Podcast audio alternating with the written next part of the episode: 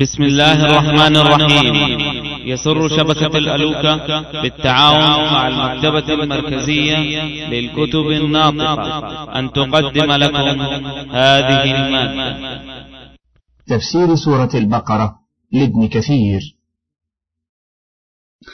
آمن الرسول بما أنزل إليه من ربه والمؤمنون كل آمن بالله وملائكته وكتبه ورسله. لا نفرق بين أحد من رسله. وقالوا سمعنا وأطعنا غفرانك ربنا وإليك المصير. لا يكلف الله نفسا إلا وسعها. لها ما كسبت وعليها ما اكتسبت. ربنا لا تؤاخذنا إن نسينا أو أخطأنا. ربنا ولا تحمل علينا إصرا كما حملته على الذين من قبلنا. ربنا ولا تحملنا ما لا طاقة لنا به واعف عنا واغفر لنا وارحمنا. أنت مولانا فانصرنا على القوم الكافرين. ذكر الأحاديث الواردة في فضل هاتين الآيتين الكريمتين نفعنا الله بهما.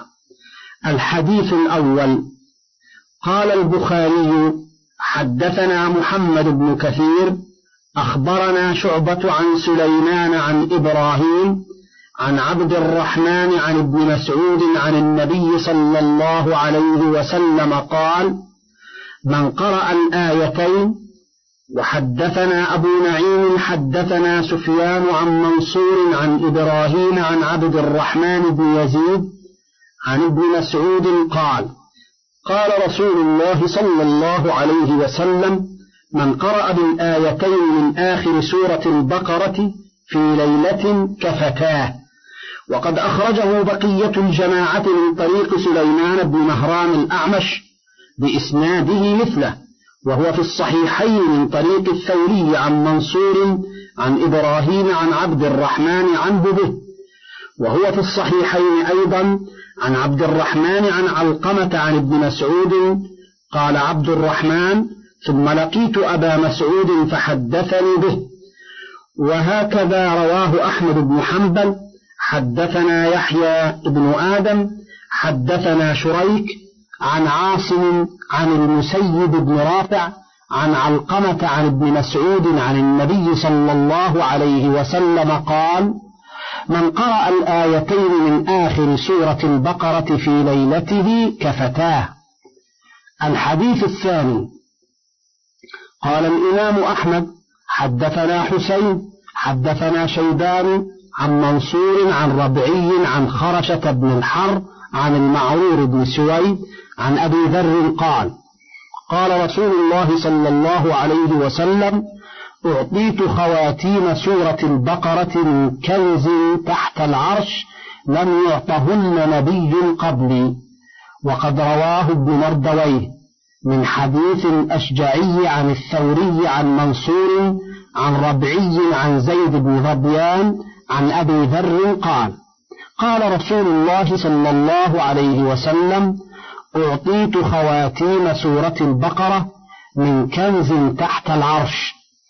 الحديث الثالث قال مسلم حدثنا أبو بكر ابن أبي شيبة حدثنا أبو أسامة حدثنا مالك بن مهون حدثنا وحدثنا ابن نمير وزهير بن حرب جميعا عن عبد الله بن نمير وألفاظهم متقاربة قال ابن نمير حدثني أبي حدثنا مالك بن مهون عن الزبير بن عدي عن طلحة عن مرة عن عبد الله قال لما أسري برسول الله صلى الله عليه وسلم انتهى به إلى سدرة المنتهى وهي في السماء السابعة.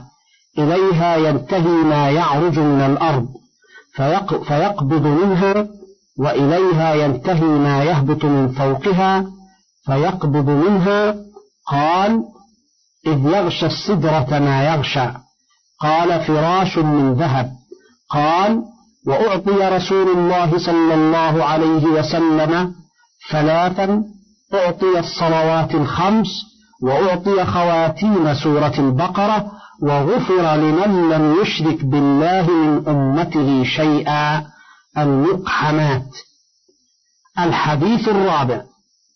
قال أحمد حدثنا إسحاق بن إبراهيم الرازي حدثنا سلمة بن الفضل حدثني محمد بن إسحاق عن يزيد بن أبي حبيب عن مرثد بن عبد الله اليزني عن عقبة بن عامر الجهني قال قال رسول الله صلى الله عليه وسلم اقرأ الآيتين من آخر سورة البقرة فإني أعطيتهما من كنز تحت العرش.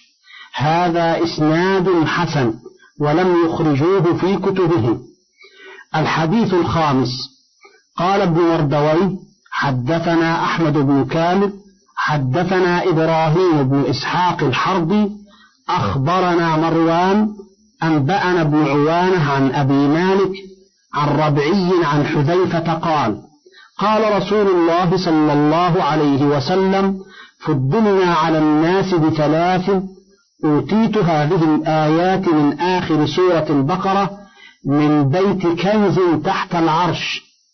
لم يعطها أحد قبلي ولا يعطاها أحد بعدي ثم رواه من حديث نعيم بن أبي هند عن ربعي عن حذيفة بنحوه الحديث السادس. قال ابن مردويه حدثنا عبد الباقي بن نافع أنبأنا إسماعيل بن الفضل أخبرنا محمد بن حاتم ابن بزيع أخبرنا جعفر بن عون عن مالك بن مغول عن أبي إسحاق عن الحارث عن علي قال لا أرى أحدا عقل الإسلام ينام حتى يقرأ آية الكرسي وخواتيم سورة البقرة فإنها من كنز أعطيه نبيكم صلى الله عليه وسلم من تحت العرش ورواه وكيع في تفسيره عن إسرائيل عن أبي إسحاق عن عمير بن عمرو المخارقي عن علي قال ما أرى أحدا يعقل بلغه الإسلام ينام حتى يقرأ آية الكرسي وخواتيم سورة البقرة فإنها من كنز تحت العرش. الحديث السابع.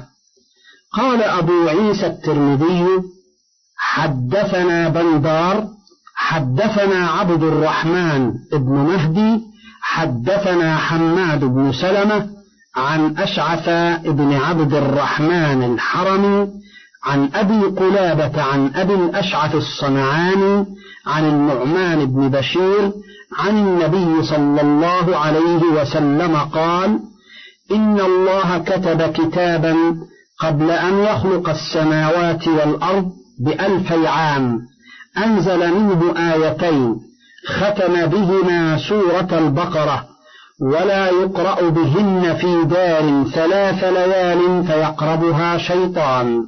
ثم قال هذا حديث غريب وهكذا رواه الحاكم في مستدركه من حديث حماد بن سلمة به وقال صحيح على شرط مسلم ولم يخرجاه. الحديث الثامن قال ابن مردوي حدثنا عبد الرحمن ابن محمد ابن مدين أخبرنا الحسن بن الجهم أخبرنا إسماعيل بن عمرو أخبرنا ابن مريم حدثني يوسف بن أبي الحجاج عن سعيد عن ابن عباس قال كان رسول الله صلى الله عليه وسلم إذا قرأ آخر سورة البقرة وآية الكرسي ضحك وقال إنهما من كنز الرحمن تحت العرش وإذا قرأ من يعمل سوءا يجز به وأن ليس للإنسان إلا ما سعى وأن سعيه سوف يرى ثم يجزاه الجزاء الأوفى استرجع واستكان. الحديث التاسع. قال ابن مردوي حدثنا عبد الله بن محمد ابن كوفي حدثنا أحمد بن يحيى بن حمزة حدثنا محمد بن بكر حدثنا مكي بن إبراهيم حدثنا عبد الله بن أبي حميد عن أبي مليح عن معقل بن يسار قال قال رسول الله صلى الله عليه وسلم أعطيت فاتحة الكتاب وخواتيم سورة البقرة من تحت العرش والمفصل نافلة. الحديث العاشر. قد تقدم في فضائل الفاتحة من رواية عبد الله بن عيسى ابن عبد الرحمن ابن أبي ليلى عن سعيد بن جبير عن ابن عباس قال بين رسول الله صلى الله عليه وسلم وعنده جبريل إذ سمع نقيضا فوقه فرفع جبريل بصره إلى السماء فقال هذا باب قد فتح من السماء ما فتح قط. قال فنزل منه ملك فأتى النبي صلى الله عليه وسلم فقال له أبشر بنورين. قد أوتيتهما لم يؤتهما نبي قبلك. فاتحة الكتاب وخواتيم سورة البقرة. لن تقرأ حرفا منهما إلا أوتيته. رواه مسلم والنسائي وهذا لفظه. فقوله تعالى آمن الرسول بما أنزل إليه من ربه إخبار عن النبي صلى الله عليه وسلم بذلك. قال ابن جرير حدثنا بشر حدثنا يزيد حدثنا سعيد عن قتادة قال ذكر لنا أن رسول الله صلى الله عليه وسلم قال لما نزلت عليه هذه الآية ويحق له أن يؤمن. وقد روى الحاكم في مستدركه حدثنا أبو النضر الفقيه حدثنا معاذ بن نجدة القرشي حدثنا خلاد بن يحيى حدثنا أبو عقيل عن يحيى بن أبي كثير عن أنس بن مالك قال لما نزلت هذه الآية على النبي صلى الله عليه وسلم آمن الرسول بما أنزل إليه من ربه. قال النبي صلى الله عليه وسلم حق له أن يؤمن. ثم قال الحاكم صحيح الإسناد ولم يخرجاه. وقوله والمؤمنون عطف على الرسول ثم أخبر عن الجميع. فقال كل آمن بالله وملائكته وكتبه ورسله لا نفرق بين أحد من رسله. فالمؤمنون يؤمنون بأن الله واحد أحد فرد صمد لا إله غيره ولا رب سواه. ويصدقون بجميع الأنبياء والرسل والكتب المنزلة من السماء على عباد الله المرسلين والأنبياء. لا يفرقون بين أحد منهم فيؤمنون ببعض ويكفرون ببعض بل الجميع عندهم صادقون بارون راشدون مهديون هادون إلى سبيل الخير.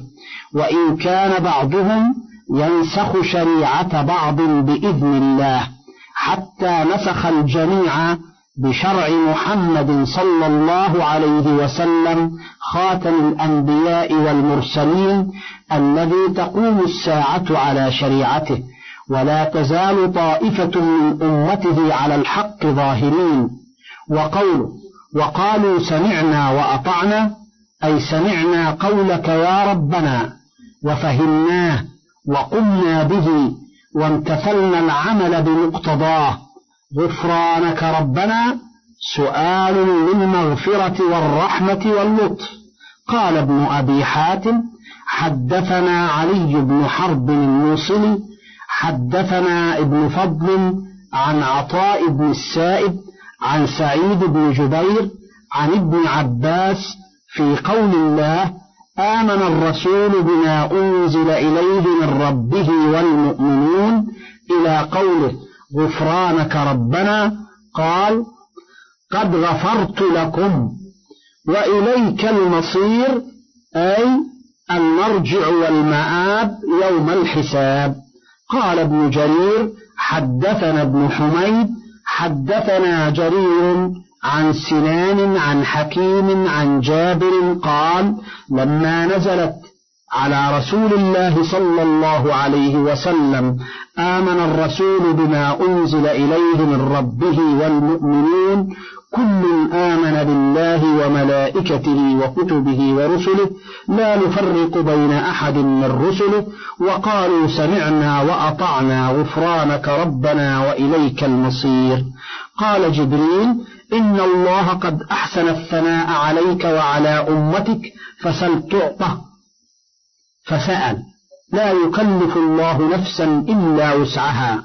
إلى آخر الآية وقوله لا يكلف الله نفسا إلا وسعها أي لا يكلف أحدا فوق طاقته. وهذا من لطفه تعالى بخلقه ورأفته بهم وإحسانه إليهم. وهذه هي الناسخة الرافعة لما كان أشفق منه الصحابة في قوله وإن تبدوا ما في أنفسكم أو تخفوه يحاسبكم به الله. أي هو وإن حاسب وسأل لكن لا يعذب إلا بما يملك الشخص دفعه. فأما ما لا يملك دفعه من وسوسة النفس وحديثها فهذا لا يكلف به الإنسان. وكراهية الوسوسة السيئة من الإيمان. وقوله لها ما كسبت أي من خير وعليها ما اكتسبت أي من شر. وذلك في الأعمال التي تدخل تحت التكليف. ثم قال تعالى مرشدا عباده إلى سؤاله وقد تكفل لهم بالإجابة كما أرشدهم وعلمهم أن يقولوا ربنا لا تؤاخذنا إن نسينا أو أخطأنا. أي إن تركنا فرضا على جهة النسيان أو فعلنا حراما كذلك أو أخطأنا أي الصواب في العمل جهلا منا بوجهه الشرعي. وقد تقدم في صحيح مسلم من حديث أبي هريرة قال قال الله نعم ولحديث ابن عباس قال الله قد فعلت وروى ابن ماجة في سننه وابن حبان في صحيحه من حديث أبي عمرو الأوزاعي عن عطاء قال ابن ماجه في روايته عن ابن عباس وقال الطبراني وابن حبان عن عطاء عن عبيد بن عمير عن ابن عباس قال قال رسول الله صلى الله عليه وسلم إن الله وضع عن أمة الخطأ والنسيان وما استكرهوا عليه وقد روي من طريق آخر وأعله أحمد وأبو حاتم والله أعلم. وقال ابن أبي حاتم حدثنا أبي حدثنا مسلم ابن إبراهيم حدثنا أبو بكر الهذلي عن شهر عن أم الدرداء عن النبي صلى الله عليه وسلم قال إن الله تجاوز لأمتي عن ثلاث عن الخطأ والنسيان والاستكراه. قال أبو بكر فذكرت ذلك للحسن فقال أجل أما تقرأ بذلك قرآنا ربنا لا تؤاخذنا إن نسينا أو أخطأنا. وقوله ربنا ولا تحمل علينا إصرا كما حملته على الذين من قبلنا أي لا تكلفنا من الأعمال الشاقة وإن أطقناها كما شرعته للأمم الماضية قبلنا من الأغلال والآثار التي كانت عليهم التي بعثت نبيك محمدا صلى الله عليه وسلم نبي الرحمة بوضعه في شرعه الذي أرسلته به من الدين الحنيفي السهل السمح. وقد ثبت في صحيح مسلم عن أبي هريرة عن رسول الله صلى الله عليه وسلم قال قال الله نعم وعن ابن عباس عن رسول الله صلى الله عليه وسلم قال قال الله قد فعلت وجاء في الحديث من طرق عن رسول الله صلى الله عليه وسلم أنه قال بعثت بالحنيفية السمحة وقوله ربنا ولا تحملنا ما لا طاقة لنا به. أي من التكليف والمصائب والبلاء لا تبتلنا بما لا قبل لنا به. وقد قال مكحول في قوله ربنا ولا تحملنا ما لا طاقة لنا به. قال العزبة والغلمة رواه ابن أبي حاتم. قال الله نعم. وفي الحديث الآخر قال الله قد فعلت. وقوله واعف عنا أي فيما بيننا وبينك مما تعلمه من تقصيرنا وزللنا واغفر لنا أي فيما بيننا وبين عبادك فلا تظهرهم على مساوينا وأعمالنا القبيحة وارحمنا أي فيما يستقبل فلا توقعنا بتوفيقك في ذنب آخر. ولهذا قالوا إن المذنب محتاج إلى ثلاثة أشياء. أن يعفو الله عنه فيما بينه وبينه وأن يستره عن عباده فلا يفضحه به بينهم وأن يعصمه فلا يوقعه في نظيره. وقد تقدم في الحديث أن الله قال نعم وفي الحديث الآخر قال الله قد فعلت. وقوله أنت مولانا أي أنت ولينا وناصرنا وعليك توكلنا وأنت المستعان وعليك التكلان ولا حول لنا ولا قوة إلا بك.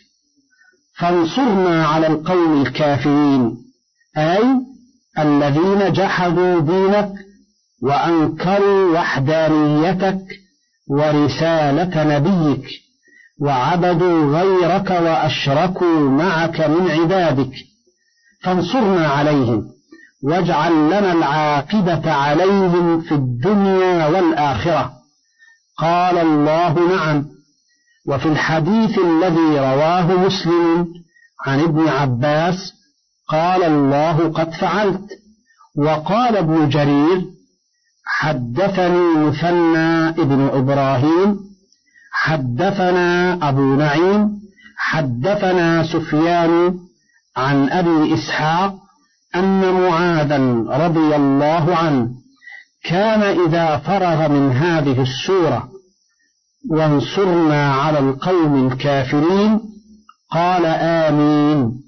ورواه وكيع عن سفيان عن أبي إسحاق عن رجل عن معاذ بن جبل أنه كان إذا ختم البقرة قال آمين. انتهت قراءة تفسير سورة البقرة. وفيما تبقى من هذا الشريط إليكم هذه المادة الإضافية. تفسير سورة آل عمران وهي مدنية لأن صدرها إلى ثلاث وثمانين آية منها نزل في وفد نجران وكان قدومهم في سنة تسع من الهجرة كما سيأتي بيان ذلك عند تفسير آية المباهلة منها إن شاء الله تعالى.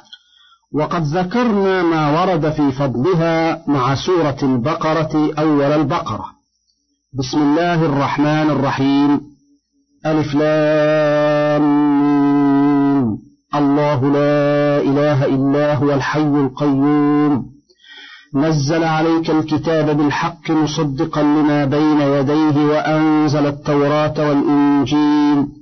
من قبل هدى للناس وأنزل الفرقان. الذين كفروا بآيات الله لهم عذاب شديد والله عزيز ذو انتقام. قد ذكرنا الحديث الوارد في أن اسم الله الأعظم في هاتين الآيتين.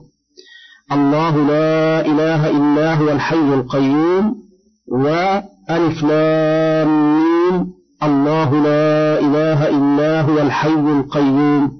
عند تفسير آية الكرسي. وقد تقدم الكلام على قوله ألف لام في أول سورة البقرة بما أغنى عن إعادته. وتقدم الكلام على قوله الله لا إله إلا هو الحي القيوم في تفسير آية الكرسي. وقوله تعالى نزل عليك الكتاب بالحق يعني نزل عليك القرآن يا محمد بالحق. أي لا شك فيه ولا ريب بل هو منزل من عند الله أنزله بعلمه والملائكة يشهدون وكفى بالله شهيدا. وقوله مصدقا لما بين يديه أي من الكتب المنزلة قبله من السماء على عباد الله والأنبياء فهي تصدقه بما أخبرت به وبشرت في قديم الزمان وهو يصدقها لأنه طابق ما أخبرت به وبشرت من الوعد من الله بإرسال محمد صلى الله عليه وسلم وإنزال القرآن العظيم عليه. وقوله وأنزل التوراة أي على موسى بن عمران والإنجيل أي على عيسى ابن مريم عليهما السلام من قبل أي من قبل هذا القرآن هدى للناس أي في زمانهما وأنزل الفرقان وهو الفارق بين الهدى والضلال والحق والباطل والغي والرشاد بما يذكره الله تعالى من الحجج والبينات والدلائل الواضحات والبراهين القاطعات ويبينه ويوضحه ويفسره ويقرره ويرشد إليه وينبه عليه من ذلك. وقال قتادة والربيع بن أنس الفرقان ها هنا القرآن. واختار ابن جرير أنه مصدر ها هنا لتقدم ذكر القرآن في قوله نزل عليك الكتاب بالحق وهو القرآن. وأما ما رواه ابن أبي حاتم عن أبي صالح أن المراد بالفرقان ها هنا التوراة فضعيف أيضا لتقدم ذكر التوراة والله أعلم. وقوله تعالى إن الذين كفروا بآيات الله أي جحدوا بها وأنكروها وردوها بالباطل لهم عذاب شديد أي يوم القيامة. والله عزيز أي منيع الجناب عظيم السلطان ذو انتقام أي ممن كذب بآياته وخالف رسله الكرام وأنبياءه العظام. إن الله لا يخفى عليه شيء في الأرض ولا في السماء هو الذي يصوركم في الأرحام كيف يشاء لا إله إلا هو العزيز الحكيم.